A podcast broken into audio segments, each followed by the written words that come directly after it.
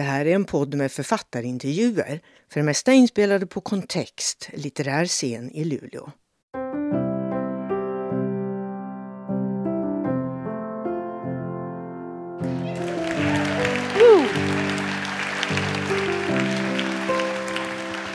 Varsågod och sitt. Tack. Nu har jag valt stol. Ja, Blev det bra? det blev väl jättebra. Men apropå det här att bruka sitta så är det ju så här att du har ju då haft denna författarscen, litterära scen i Luleå i många år. Ja. Jag har vickat någon gång. Men i övrigt så är det ju du. Och du har ju dessutom haft, gjort otroligt många författarintervjuer och samtal på Sveriges Radio där du jobbar. Och nu ska du sitta här. Hur känns det? ja, det känns ju jättekonstigt. Det känns ju lite overkligt alltså på något sätt. Mm. Men eh, vi skojade ju om det, Marianne och jag. Tänk om jag skulle göra intervjun med mig själv. Men vi tänkte det blir ett himla springande här. Om jag liksom skulle... nu kom vi på en ny idé här i logen. Ett hologram kunde man ha haft. Och... Ja. Ja, man kan hålla på med det där. Nej, det är bara att finna sig och sit- sätta sig till rätta. Det var ju Mm. skönt. Jag behövde ju inte förbereda det här. Det är bra. Det var, ju, det var skönt. Och vi har dessutom varit väldigt noga med att inte prata för mycket innan, så för att det ska kännas, för annars kan det ju bli så eftersom vi samarbetar här i kontext och jag är ju då producent och så det skulle kunna prata sönder. Så det ska vi inte göra. Vi har inte gjort det. Vi har varit noga med det. Men jag tänkte när vi nu har dig här som gäst och inte som den som ställer frågorna så är det väl trevligt för publiken att få höra lite grann om din bakgrund. Du var ganska ung när du kom upp hit till Luleå. Mm. Och i den här romanen då, Vitt ljus, som är din debut, så återvänder du till ett landskap som man tänker att du känner till, vid Vänern. Hur kommer det sig att du kom hit upp överhuvudtaget? Det var Kalix folkhögskola. Då var jag 19 år. Då kom jag från Göteborg. Jag ville bli fotograf och eh, sökte och hittade, jag kommer inte ihåg hur det gick till, men hittade den här foto, fotoutbildningen. Foto och etermedia heter det på Kalix folkhögskola. Så då sökte jag den och eh, så kom jag in där och, ins, och förstod, jag hade ingen aning om var Kalix låg. Jag trodde det låg någonstans utanför Uppsala. Eh, och jag kommer ihåg eh, fortfarande hur jag tog fram ni vet, den där gamla skolatlasen. Och så började, kollade, började jag med Uppsala och så kollade jag, nej, jag hittade ingenting. Så fick jag gå till registret och när jag såg, ni vet de där bokstäverna. Alltså jag, jag minns fortfarande den känslan, för då fylldes jag av en sån där, nej men vad fan. Och så slog jag upp det där kartbladet alltså, uppe i Bottenviken och tänkte, nej men det här går ju inte alltså. Så kom jag ihåg att jag räknade ut att om jag åker åt andra hållet, var kommer jag då? Då kom jag till Rom. Så då satt jag där i min rivningslägenhet i Göteborg och så tänkte jag, ja, ska jag åka till Kalix eller Rom? men det blev Kalix. Men var var, var, var liksom uppväxten någonstans då? Den var i Värmland och Dalsland. Så jag kan prata värmländska om ni vill, men när jag började på radion så fick jag inte prata dialekt. Så att när jag kom hem till Åmål efter att jag hade börjat på radion då sa mina kompisar, men gud vad fint du pratar i radion, den hör ju inte att det är du. så var det. Och sen har jag en motsatt då, för jag kommer ihåg när du spelade in, eh, du var med på om det var Hodjas flygande matta, Hasse Alatalo gjorde dramatiseringar av. Det fick jag alltid göra, arga mammor. Ja, på värmländska. På värmländska. Och det tog Jättekul. jättelång tid innan jag fattade att det var du. ja, och du har ju då jobbat som kulturjournalist på Sveriges Radio nästan ja, hela ditt liv kan man säga. Ja, jag började som nyhets och samhällsjournalist och sen så gick jag så småningom över till kultur och samhälle kan man säga. Och i Luleå. I Luleå, men oftast för P1. Mm, just det. Men under årens gång så har du ju faktiskt gjort lite filmer, har du gjort. dokumentärfilmer och någon kortfilm. Men det här med författardrömmarna, har du närt dem hela Nej. ditt liv? Nej. Nej, det är ju det, är ju det att det, det har jag faktiskt inte. Eh, man brukar ju säga sådär om människor som skriver om litteratur och recensenter och så att ja, ja, ja, de vill egentligen bli författare. Men jag tillhör inte dem. Jag vet inte riktigt varför. Jag kanske inte haft tid att drömma om det. Ingen aning. Men den här boken är alltså inte ett resultat av att oj, vad gärna jag skulle vilja bli författare. Fast det verkar ju rätt trevligt en sån här kväll i och för sig. Mm. Utan det är ett resultat av att jag vill berätta en väldigt speciell eh, historia. Mm. Och när du berättade för mig, det var ju inte helt enkelt, det förstår ni säkert också, att liksom eh, när du då berättar att du har skrivit en roman och så tänker man, är det självklart liksom att man bara köper grisen i säcken? För när vi väljer ut författare hit så är vi ju väldigt noga och vi läser böcker och vi liksom diskuterar hit och dit. Men det kändes ju självklart ändå att ska den här boken presenteras i Luleå någonstans så är det väl lämpligt att göra det här med tanke på alla dina år här på den här scenen. Men då sa du direkt till mig, för jag sa, det måste jag få läsa nu, på en gång. så vet.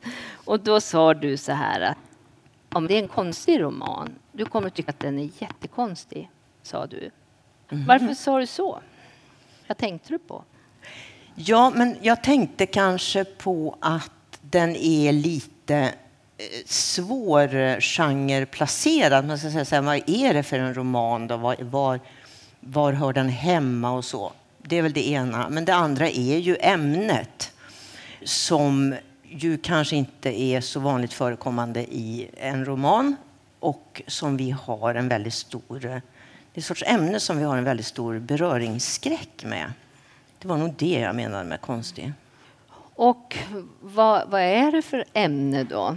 Ja, hur ska vi nu beskriva det? Mm. Om, ibland när folk frågar sig men vad handlar det om, och då brukar jag säga att det handlar om medvetande och tid. Att jag har skrivit en, en roman om medvetande och tid. Och det har jag på sätt och vis gjort, tror jag. Men det är klart att den beskriver ju andra medvetandetillstånd. Är det så vi ska kalla det? Ja, så kallar jag det. Ja. ja. Mm. Och, och då är det ju så att det här är en roman, men själva grundberättelsen i romanen, alltså det som är incitamentet till att jag har skrivit boken, det handlar ju då om en egen upplevelse. Mm. Hur jag en vanlig lördag, tror jag det var, Eh, sätter mig ner i en vanlig fåtölj här inne i stan. Jag bodde i stan då. Hur gammal var du ungefär? Eh, jag var 30, eh, nu ska vi tänka, 30, jag har räknat ut att jag var 35 eller 36 år. 36 tror jag. Och jag ska gå på Domus och handla. Men jag är lite trött. Så att jag sätter mig ner i en svart fåtölj och tänker att jag hinner, jag hinner liksom eh, bara vila lite grann. Sen ska jag gå på Domus och handla. Och så blundar jag och sen händer allting blixtsnabbt verkligen. Det beskriver jag i romanen. Jag slungas alltså ut ur min egen kropp. Alltså kroppen sitter kvar i fåtöljen. Det är som att slungas, alltså en katapult. Jag skjuts iväg liksom. In i ett annat medvetandetillstånd, så kan vi kalla det. Alltså ande och kropp skiljs åt. Och plötsligt så befinner sig mitt jag, eller kanske inte mitt jag heller, jag vet inte riktigt vilket det är, men mitt medvetande befinner sig uppe i ett vitt ljus. Därför heter romanen Vitt ljus. Medan kroppen sitter kvar i fåtöljen. Men när det här händer, vet du om det då? Att det händer, att nu skiljs liksom, nu sitter jag här. Ena delen av ditt jag sitter här, det andra är någon annanstans. Ja, men, absolut. Men alltså, in, ingenting av mitt jag sitter här. Det här är en tom kropp. Mm. Det är bara en kropp. Den har gått in i ett automatläge. Alltså pulsen har gått ner, men pulsen slår väldigt, väldigt, eh, långs, alltså väldigt jämnt. Det är ungefär som att vara kopplad till en respirator eller någonting. Alltså det var min tanke. Men eh, tänkte du det då? Ja, det tänkte jag då. För jag var nere och kollade till kroppen ibland. Det, för det kunde man göra. Liksom. Mm. Tänkte jag, men hur har den här kroppen det egentligen? Alltså, går det bra? Så då kunde jag som färdas ner och kolla min egen kropp. Och kroppen satt i en väldigt konstig ställning. Det var ingen bra fåtölj det där. och jag hade haft ont i ryggen så jag tänkte att det här ser ju inte bra ut. Men jag kunde liksom inte känna någonting för jag var inte i kroppen. Men kroppen var varm och den hade det bra liksom. Men jag var inte där. Och sen då? Alltså det första jag tänkte när det hände, det var, det, min första tanke var, dog jag nu? Alltså det skulle ni nog också ha tänkt, tror jag. Man tänkte, men herregud. Men, då, men sen var det så här, ja men eh, varför det? Eller hur skulle det gå till? Nej, det gjorde jag nog inte. Jag var ju klarvaken. Så jag kände mig inte särskilt död. Och kroppen var ju inte död. Den var varm, för det här ljuset som slog emot mig, som hämtade upp mig, det gick då ju genom kroppen. Så att kroppen var ju helt varm. Den var inte kall och så, utan och slog, den hade det bra. Liksom. Så att då kunde jag sväva på där uppe. Men vad hände då? Där uppe. Ja, mm. och sen? Tänker jag ja, det var två frågor. Ja, jag vet. Men du är tillräckligt smart för att kunna svara på båda. Eller jag kanske blev det ja. där. Ja. för att det som hände där uppe, ja, det går, det går inte att beskriva. Men jag har ju då gjort ett försök mm. i den här boken mm. att sätta ord på det här. För den här scenen finns ju med. Den finns en av många. Ja. Och hur kom du tillbaka till din kropp då? Ja, jag slogs ju där uppe då med det här att antingen låta mig fyllas av alla möjliga existentiella insikter, för det var det man fick uppe i det här vita huset, hur mycket som helst. Men samtidigt så var det liksom en röst som sa i mig hela tiden men du måste, jag måste hinna på Domus och handla. Och det var ju lite komiskt. Och sen var jag tvungen ibland kolla till kroppen och sådär. Och sen så småningom så började, men det var så här, nej men det har ju bara gått, det har ju bara gått en minut liksom. Det har bara gått, ja men okej okay, två. Jag måste hinna på Domus och handla, men lite till. För jag tänkte, men det här måste ju vara evolutionens nästa steg. Det kommer jag ihåg att jag tänkte. Det här är evolutionens nästa steg. Du blev aldrig rädd att du Nej. tänkte nu, nu far iväg, alltså nu är jag i en psykos eller något? Nej, aldrig. Det var det mest naturliga jag varit med om i hela mitt liv. Alltså. Mm -hmm. Det var helt fantastiskt. Det var helt naturligt. Det var som att komma hem. Det var faktiskt så. Mm. Och det fanns inga rädslor. Det, fann, det, fanns inte det där uppe i det där vita huset. Så att det kanske hjälper till att man inte blir rädd. Mm. Men jag vet att jag tänkte så här. Ja, men eh, nej, jag dog inte. Men tänk om jag inte kommer tillbaka? Då kommer, och så kommer jag ihåg att jag tänkte så här, vem kommer att hitta mig först? Som en tom kropp som ändå inte är död. Det här blir konstigt, kommer jag ihåg att jag tänkte. Men samtidigt så kände jag att nej, men det var inget att vara rädd för. för att, ja, det, jag kände väl det att nej, men det kommer inte bli några problem. Låter ju... Och det blev det ju inte heller. Utan eh, till slut så tog Domus över så att säga. Så att jag, då öppnade jag bara ögonen. Och hur länge hade du varit i det här vita ja. ljuset då? Då blev jag lite så här, då fick jag en liten chock mm. när jag öppnade ögonen. För jag hade tittat på en klockradio precis när jag satte mig i fåtöljen och hon var 11 då på förmiddagen. Och när jag öppnade ögonen och jag hade kunnat svära på att jag hade inte, att jag hade inte varit uppe i det där ljuset mer än tio minuter. Allra högst en kvart, men tio minuter snarare. För jag hade bråttom. Och när jag öppnar ögonen så har jag suttit i mer än två timmar. Då, blev, då fick jag lite så, då var jag tvungen att börja tänka. Men om man då är med, du är med om en sån där, låter ju helt otroligt för en som inte har varit med om det. Mm. Så tänker jag, vad gjorde du då? Liksom, ringde du upp någon eller sprang du ut och berättade för någon? Eller? Nej, alltså jag är ju journalist mm. och eh, jag har tagit med mig ett favoritcitat här. Det är så himla bra. Jag har det på kylskåpet. Jag tog ner det idag. Det är Einstein. Han säger så här. Det vackraste vi kan uppleva är det oförklarliga. Mm. Och det inser jag, när jag såg det här citatet så insåg jag att så där har jag nog känt i hela mitt liv. Att jag tycker så mycket om sånt som jag inte förstår. Det kanske inte alla gör, eller, men jag gör det. Och så är jag journalist och så är jag med om det här. Och det var ju som att sitta på ett jättestort skop på något sätt. För att så småningom när, när dagarna gick, alltså just direkt efter så tänkte jag ja herregud, och vänta nu. Men jag, ja, och sen gick jag på Domus och handlade. Så att jag hade inte riktigt tid att reflektera över det där, men det, sen började det ju sätta sig. Och då förstod jag ju vidden av... För att det förändrade också mig. Förstås. För då Ja. tänker jag så här. Jag kommer ju ihåg tidigt 80-tal när jag också jobbade på radion och när ni i något tillfälle gjorde eh, hade någon sån här f- vecka med kvantfysik och kvarkar och allt vad det hette. och då minns jag en, hände en sån rolig sak där. Berätta om det, för sen kommer min fråga på det. Ja, just det. Men, men, då, jo, men så här, det, och det var inte riktigt tidigt, det var lite sent 80-tal. Och det, Ja, det, den här det var. veckan som vi då hade om kvantfysik, den eh, drev jag så att säga igenom. Det var min idé och den idén, det var efter den här Ja, för det var resan. min fråga. Ja. Vilket kom först? Ja. Liksom, den, Den här, upplevelsen eller upplevelsen kom, intresset? upplevelsen kom först. Så det var därför du började liksom söka dig Ja. till Ja, förklaringar? så- ja absolut. Jag, sen researchade jag ju som en galning. Och jag hamnade så småningom i, i kvantfysik och jag hamnade i medvetandeforskning och jag hamnade i religionernas mystiker och allt möjligt.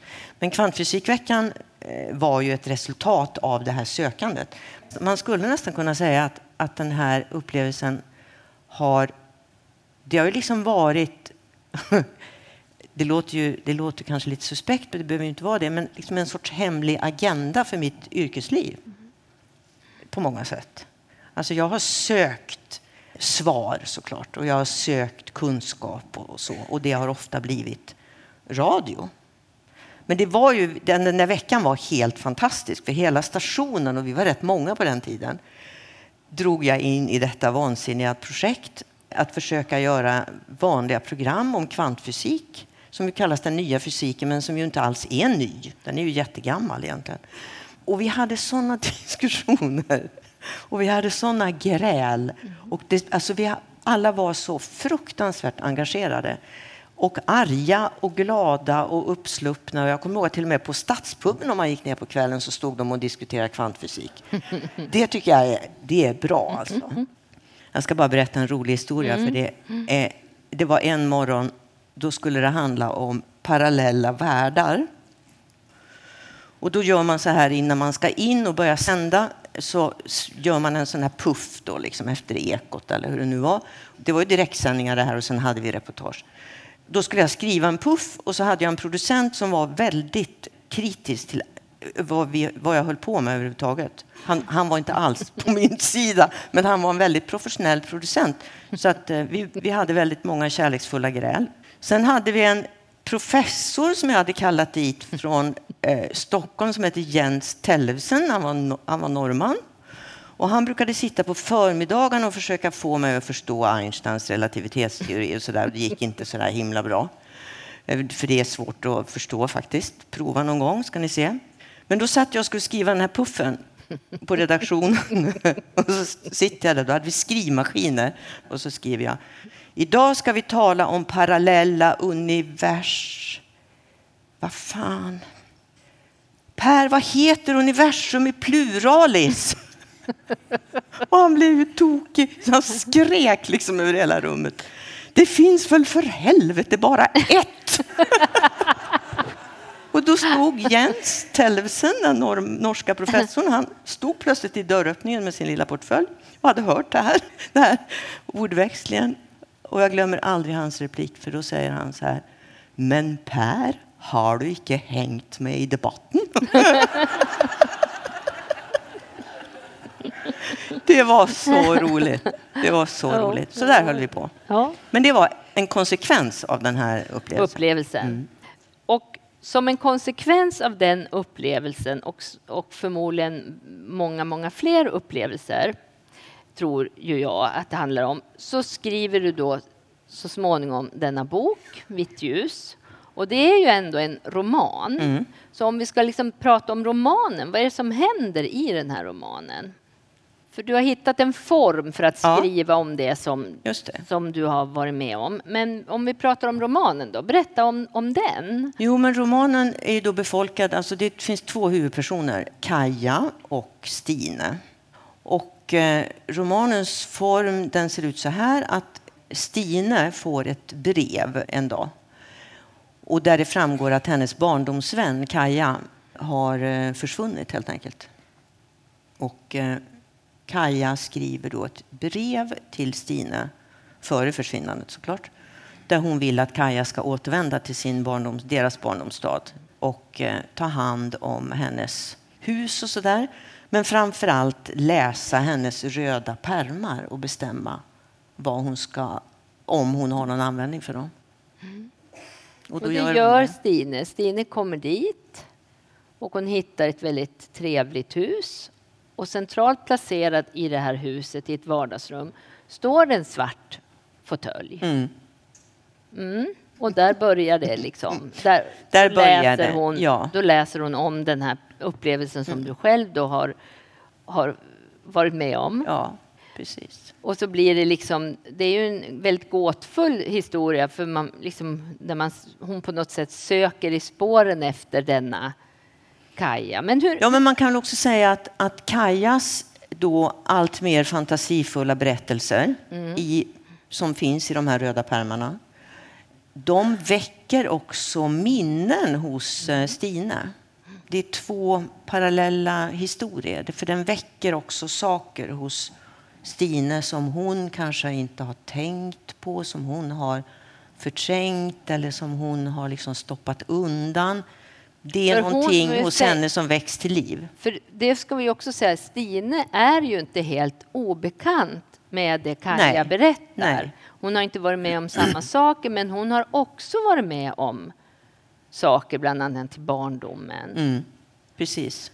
Men medan hon då söker liksom i spåren då, i de här röda pärmarna som Kaj har lämnat efter sig med beskrivningar av olika saker så söker hon också sitt eget spår, Stine, i den här stan dit hon inte har varit på. Hon har inte alls varit där som vuxen. Och det finns ju olika skäl till. Ja. ja. Och vilka är de skälen? Kan du berätta lite om henne? Ja, Stine, Stine har, eh, har haft en eh, rätt jobbig... Hon har varit mobbad kan man säga i många, många år i, den här, i, den, i de här omgivningarna och har aldrig någonsin längtat tillbaka dit av naturliga skäl. Hon har inte satt sin fot där helt enkelt sedan hon drog från stan.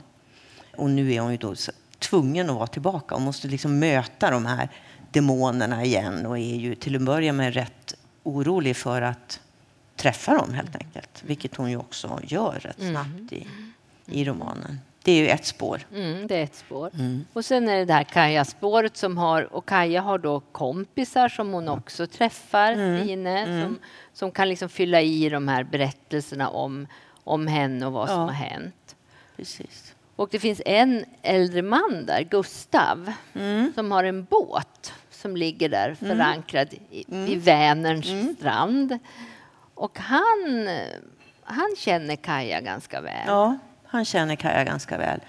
För de har eh, haft lite såna här eh, tidsexperiment eh, tillsammans. Mm.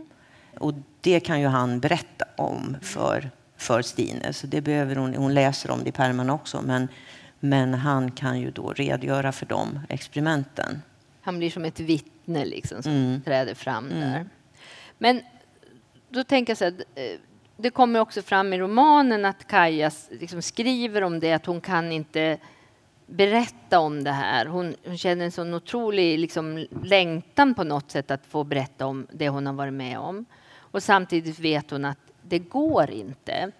Och du pratade från början här om beröringsskräck med, de här, med det här ämnet. Och, eh, alltså, som vi ju har, som finns, existerar ju. För, ja, för, för vad är det för genre? Är det new age? Liksom, vad är det? Så jag tänker mig att du har gått omkring och funderat ändå på det här. Hur ska du berätta om det? Och hur liksom kom den här romanen till dig? Hur kom du på hur du skulle göra? Hur, hur ser den hur har ja, du tänkt ju, kring det? Ja, just det. Jo, men det är ju en process. Alltså, dels är det tiden. För att, att det här hände ju då andra hälften av 80-talet, den här upplevelsen. Då visste jag direkt. Jag menar, jag, var, jag gick ur kyrkan det första jag gjorde när jag fyllde 18. Jag hade inte ägnat mig åt existentiella grubblerier överhuvudtaget, inte mer än någon annan människa tror jag. jag var väldigt jordbunden. Jag var mm, aktivist, jag var mitt i karriären, jag var journalist. Det här låg fullständigt bortom min ja, föreställningsförmåga överhuvudtaget. Jag visste ju att det här kan man inte prata om, alltså inte på 80-talet. Så, hade du någon du pratade med om det? Ja, så småningom hade jag ju det. Mm. Jag hade turen att uh, träffa en professor i religionsfilosofi bland annat. Det finns beskrivet i boken, fast på ett lite annat sätt. Men det är också sant, helt sant. Och det var ju en väldig lättnad alltså, för att han, han reagerade ju inte alls, eh, vad pratar du om?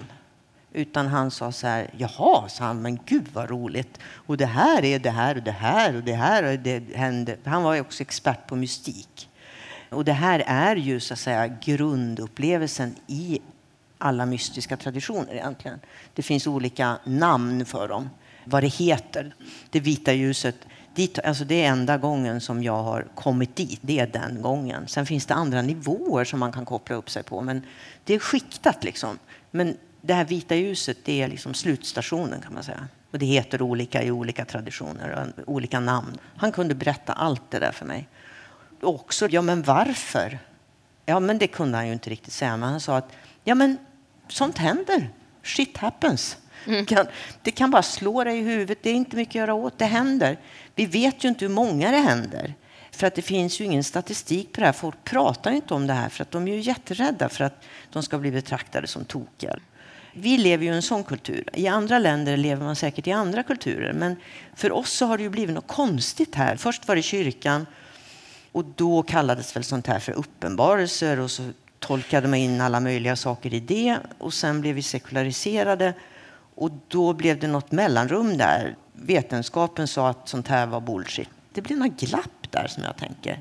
För att eh, det är som jag skriver där, om det är baksidan eller framsidan av boken, att, eller jag tänker i alla fall så att vi har inte knäckt gåtan om vårt medvetande. Alltså det är inte på långt, vi är långt när framme vid slutet på den gåtan. Och då är det ju väldigt konstigt att, att det inte är bara väldigt spännande med till exempel andra medvetandetillstånd. Istället så blir vi så här och tänker new age eller mm. vad, vad konstig du är eller vad du hittar på eller, eller någonting sånt. Mm. Det finns en väldig beröringsskräck med den här typen av upplevelser. Och ändå skriver du den här romanen? Ja, men då kommer vi fram till det. Mm. Nu är det två, jag säger alltid fel, 2018 heter det. Mm. Alltså nu kände jag för några år sedan att amen, nu, nu är det inte så längre. Eller jag bestämde mig för att det inte var så längre, för jag vet att det fortfarande är så. Men det är inte lika, i lika hög grad. För att medvetandeforskningen har också fått ett väldigt uppsving på de senaste åren. Det var väldigt trögt där ett tag. Men sen så småningom så kom det igång. Och nu så florerar ju de mest fantastiska teorier även bland mycket, mycket framstående forskare. Så att som, som skulle ha låtit som rena flummet på 80-talet. Eller vi skulle ha sagt, men vad är det där för tokerier? Mm. Och nu är det inte så längre. Och ni, ni vet, ni har ju också hört, de säger på, pratar på nyheterna om parallella världar och tidsresor och allt vad det är för någonting. Och medvetandets gåta är man ju inte alls nära. Men man börjar ju prata om det på ett sätt som eh, liknar de erfarenheter som jag drog efter att ha varit i det här vita ljuset. Eller som jag fick i det vita ljuset, ska jag väl snarare säga.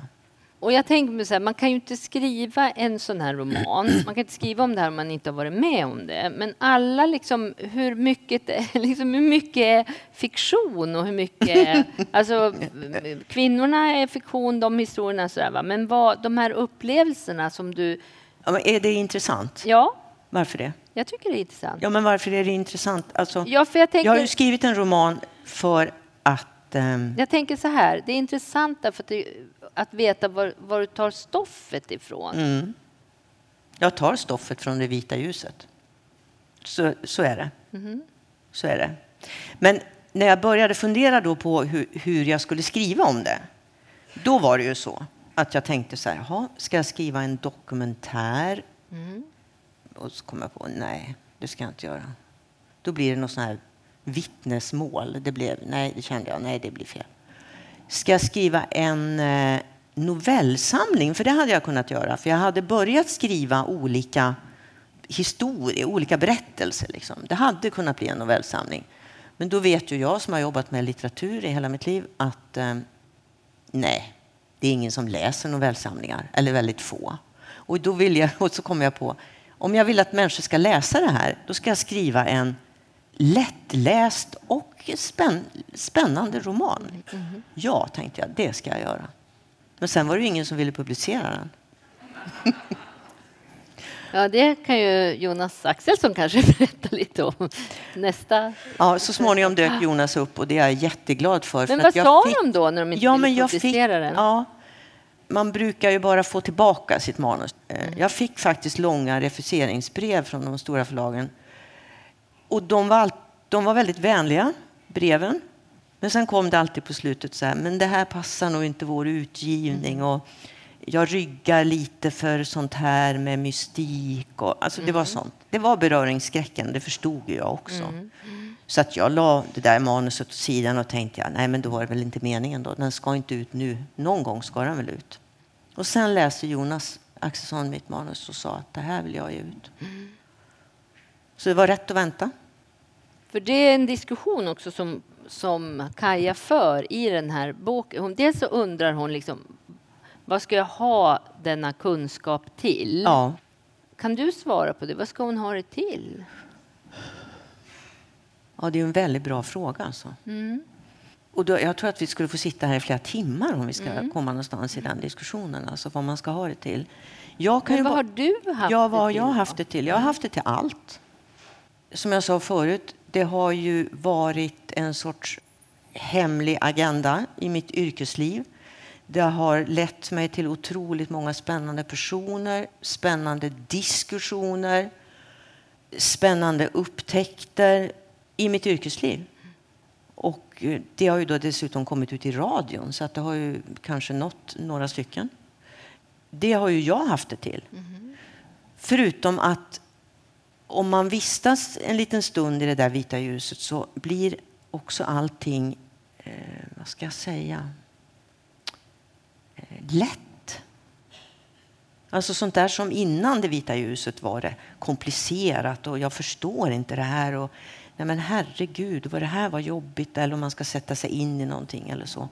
Och efter den där upplevelsen så är det mycket, mycket enkelt kan jag säga. Jag vet inte vad det beror på, men vem skulle inte vilja åka dit om det är effekten? Vad gör det med din ångest, tänker jag? Det är ingen, alltså jag tänker sån vanlig ångest som de flesta av oss går och bär på, rädsla för döden och sådär. Har det påverkats? Ja, det, det, det försvann ju. Alltså det är ju liksom borta efter den upplevelsen. Det är klart att jag inte är helt ångestbefriad. Alltså, om man tänker att någonting skulle hända ens barn, då trillar ju jag ner i ett svart hål också. Men ni vet den där vanliga ångesten. Eller prestationsångesten, eller livsångesten, eller vad händer när jag dör? Ångesten eller så. Den är, den är bara borta. Kan man försätta sig i det där tillståndet? Ja, kan du ha något recept? Nej, jag kan ju inte lära ut det. jag har inget recept, jag kan inte lära ut. Jag kan bara säga att jag förstår ju också att de flesta meditationstekniker till exempel, mm. först inser jag ju, går ut på det här. Att komma hit. Detta har ju alltså människor alltid vetat. Mm. och det, det finns... finns... ju också i boken, för Kaja beskriver då hur hon går. Och där känner man ju igen dig på något sätt, journalisten som ska liksom också det är inte bara att bara, det är liksom inte bara läsa en självhjälpsbok eller new age, utan det ska liksom vara en religionsprofessor. Och när hon då går och ska mm, köra sån här schack, heter det så, chakra, eh, meditation, heter det chakra? Mm. Det visade då, sig heta det. Ja, så ja. går hon till en psykiatriker som leder henne i de här övningarna och försätter henne i någon slags hypnos. Mm. Och då börjar hon att vandra också i... Du pratar om att det här handlar om tid och medvetande. Och då plötsligt så upphör tiden. Då kan hon liksom gå bakåt till ett tidigare liv och framåt. Alltså hon blir liksom synsk. Ja, eller där är det ju tidigare liv, tidigare existenser, just mm. i den upplevelsen. Ja, men vid något tillfälle Mm. så, går, så ser hon också framåt. Mm, ja, precis. Nej, men det, det, är det de- något som, alltså, ja, vad är det då? Ja, men det, det är det. det. Det är det andra spåret. Det är, det är liksom tidsspåret. Och tidsspåret handlar, i romanen handlar ju om att all tid uppstår nu och har alltid funnits. Det låter ju väldigt kryptiskt. Men att tiden, den som vi, nu, när, nu sitter vi här och du ska snart titta på klockan för snart ska vi sluta. Nej, inte riktigt än ska vi sluta. Alltså, det, är ju, det är ju så att säga en, en sorts uppfinning kan man säga. Tiden är en sorts uppfinning och vi, vi, vi är ju dömda så att, säga, att leva i den här tiden och det är väl skönt det för det skulle, vi skulle ju bli otroligt komplicerat om vi skulle hålla på och hoppa runt här. Vi Nej, jag är allihopa här. 1880 nu. Nej, jag kommer inte till jobbet för nu är jag, nu är jag i Egypten eller någonting. Det skulle, det skulle inte funka helt enkelt. Men vi, vi lever samtidigt med alla de här teorierna om parallella världar. Och, och då eftersom all tid finns samtidigt så kan man ju också vara både bakåt i tiden och man kan också vara framåt. Mm. Man kan liksom Färdas. man kan färdas omkring så här. Det är rätt spännande. Ja. För lite grann av, av det du... När jag läser den här romanen så tänker jag att det verkar väldigt... Och nu, ännu mer nu nästan när du pratar om det så tänker jag att det här verkar ju väldigt trevliga tillstånd. Alltså tillstånd utan skräck, när jag kan liksom se framåt, bakåt. Det låter inget kul tycker jag att se framåt. Det, Säg inte det. här där jag sitter här i den här stolen i min kropp så tycker jag det verkar jätteläbbigt. Men, men liksom, du beskriver det som att det är väldigt skönt tillstånd. Och Ja. då tänker jag liksom droger, tänker jag. Att det här är som en drog. Vill man inte liksom tillbaka till det här? Om man någon gång har varit i det, är inte risken liksom att man som fastnar i det och att det på något sätt kanske det Kaja gör? Så kan man absolut läsa det, romanen. Ja. Jo, vi ska inte, vi ska inte spoila slutet. Eh, vi vet bara att hon är försvunnen, och för det avslöjas redan i början.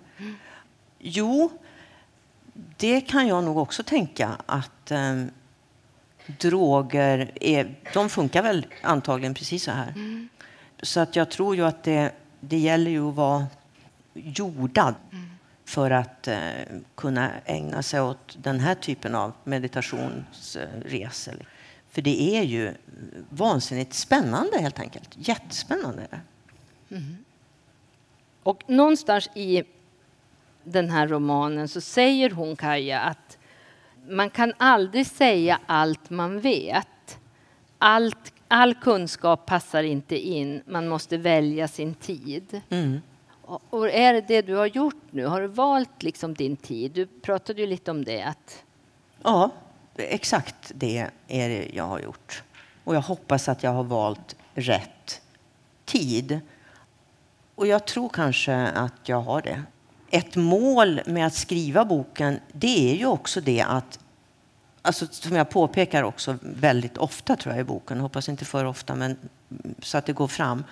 Det här, den här upplevelsen har ju ingenting att göra med att man är utvald eller att, det är någon, att man är någon speciell människa eller så. Överhuvudtaget. hur vet du det? Inte, det vet jag. Det är det första man får lära sig där uppe i det vita huset.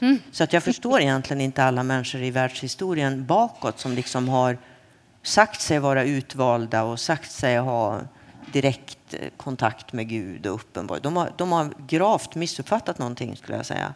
Alltså det här är, det här är en upplevelse som är möjlig för varje människa. Varje människa. Det liksom finns inbyggt i oss, den här möjligheten. Nu tappade jag spåret. Det var inte det jag skulle svara Jo, att på. välja sin tid, frågade jag. Ja, har du valt precis. din tid? Jo. Att du tror att det är rätt tid? Jo, jag tror det. Jo, och sy- Syftet med romanen, det där med rätt tid och att man inte är utvald, är att jag är ju rätt säker på att det går omkring en massa människor. sitter säkert ett gäng här ikväll i publiken som har varit med om upplevelser som liknar det här och som inte har vågat säga det till någon för att herregud, om jag säger det här då kommer de att tycka att jag är jätte, jättekonstig. Och jag har, boken har ju inte varit ute länge. Men jag har ju redan börjat få mejl som berättar precis det här. Jag har haft en konversation några kvällar här med en kvinna som, som säger precis det här. Att hon, hon hade läst min bok och blivit så otroligt lättad. Alltså. För hon har haft den här typen av upplevelser sedan hon var barn. När hon var barn trodde hon att alla hade det, så det var inget konstigt med det. Men sen så förstod hon ju att det inte var så. Hon har inte talat med en enda människa i hela sitt liv. Så hon blev otroligt lättad när hon läste min bok. Och, eh, det är första gången hon har pratat med någon överhuvudtaget om det. Och då känner jag, yes, de är fler. Mm. Men du är inte rädd då? Liksom? Du tar ju ändå en risk. Ja, vad tar jag för risk? Ja, vad tar du för risk? Vad skulle du säga att jag tar ja, för men risk? liksom att man tycker du är helt... Herregud! Ja, eller hur? Och hur tänker du om den risken? För det är också liksom så här kulturellt kodat det här. Va? Jag menar, det är en sak om någon skriver en new age-bok, liksom att i, den, i det segmentet av den svenska litteraturen, liksom, det kan man ju göra. Men du är liksom finare. Seriöst? Du tillhör ju finkulturen. Nej, men nu, pra, nu menar Ja, ja. jag precis vad jag säger. Alltså, det, här, du, du är liksom en, och, så det är klart att den risken är ju alldeles uppenbar, tänker jag. Mm. Ja, Hur många religionsprofessorer du än har pratat med. ja precis. För den här Ja. beröringsskräcken är Berör, reell. ja, beröringsskräcken är, den är, den är, Mm. den är stark.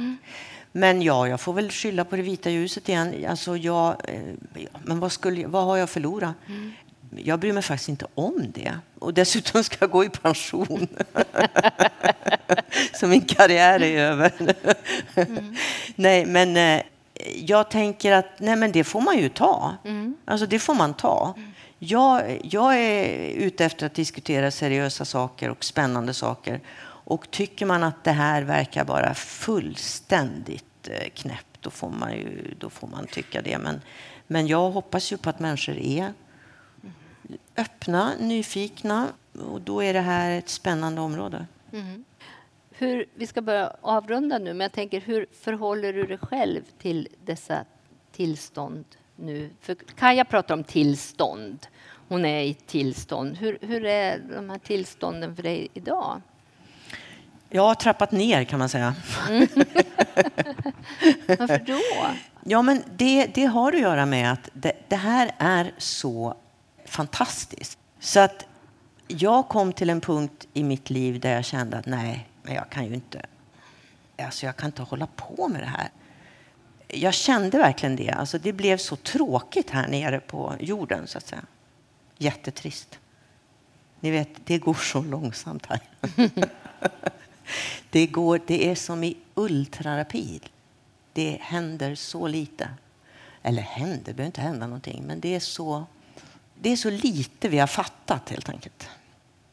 Det är så kraftfullt att vara i det där ljuset eller koppla upp sig på den där energi, de där energifälten. Så att jag kände att nej, men det här går inte. Jag, jag, ska, jag, ska ändå, jag lever ett liv här. Jag vill leva ett liv här. Liksom. Jag eh, ska vara här. Jag ska jobba, jag ska älska, jag ska ta hand om mina barn. Jag ska, jag ska, fan mig, jag ska vara här. Jag kan inte hålla på så där. Så att eh, nu för tiden så nöjer jag, nöjer jag mig med lite flygturer då och då. Inte så mycket. Kan man inte få hänga så. med någon gång? det låter så. Men, det, ja, det konstiga är ju alltså det svåra för att komma till det där tillståndet. Och ju mer, man, ju mer jag läste om det och ju mer jag visste, desto svårare var det att komma dit. just Det är så det fungerar. Och För det är ju Kajas berättelse också. Ja. Att ju mer liksom hon får upp i huvudet i intel, intellektualiserar kring det, så, desto svårare är det. Exakt. Och det där är ju så att om du frågade efter ett recept här förut.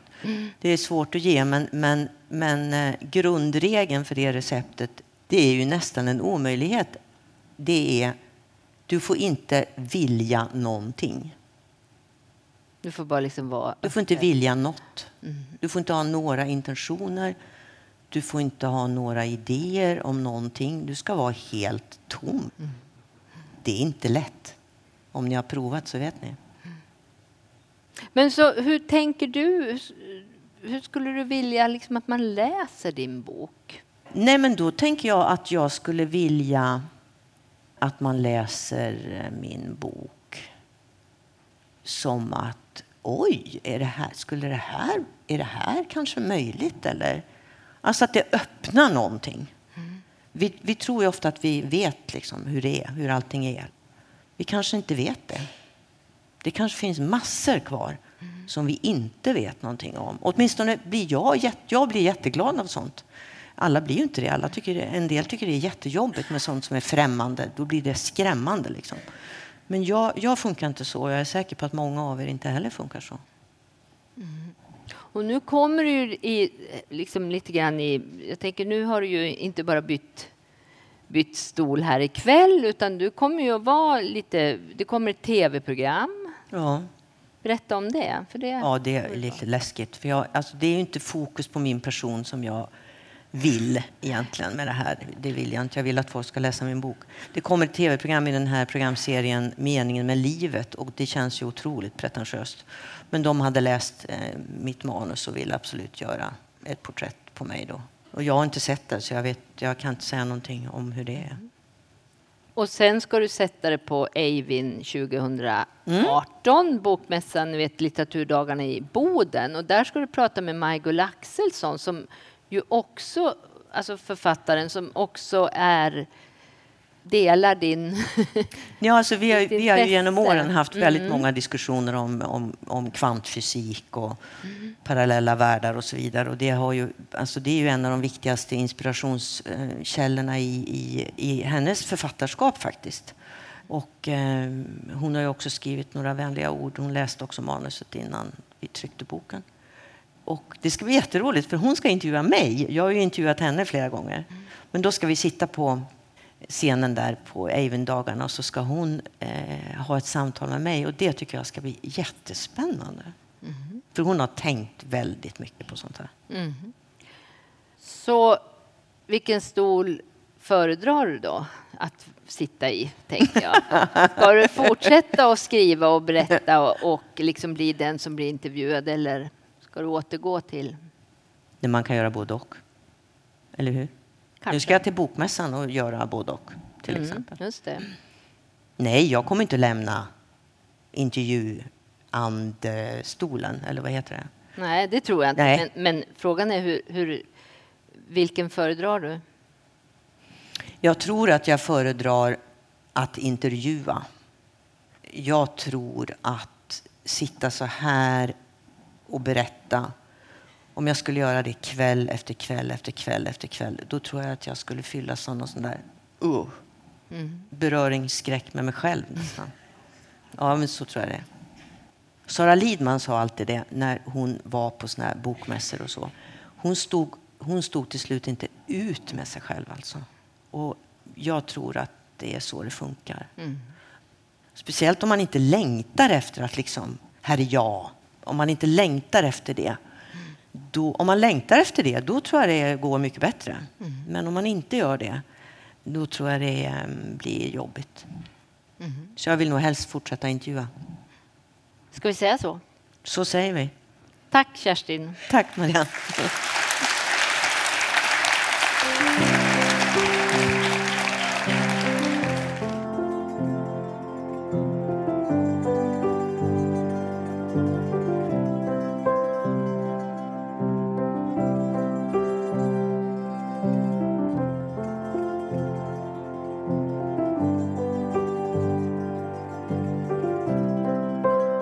Kontext Podcast produceras i samarbete med Kontext, litterär scen i Luleå. Författarscenen drivs med hjälp av Statens kulturråd och Luleå kommun.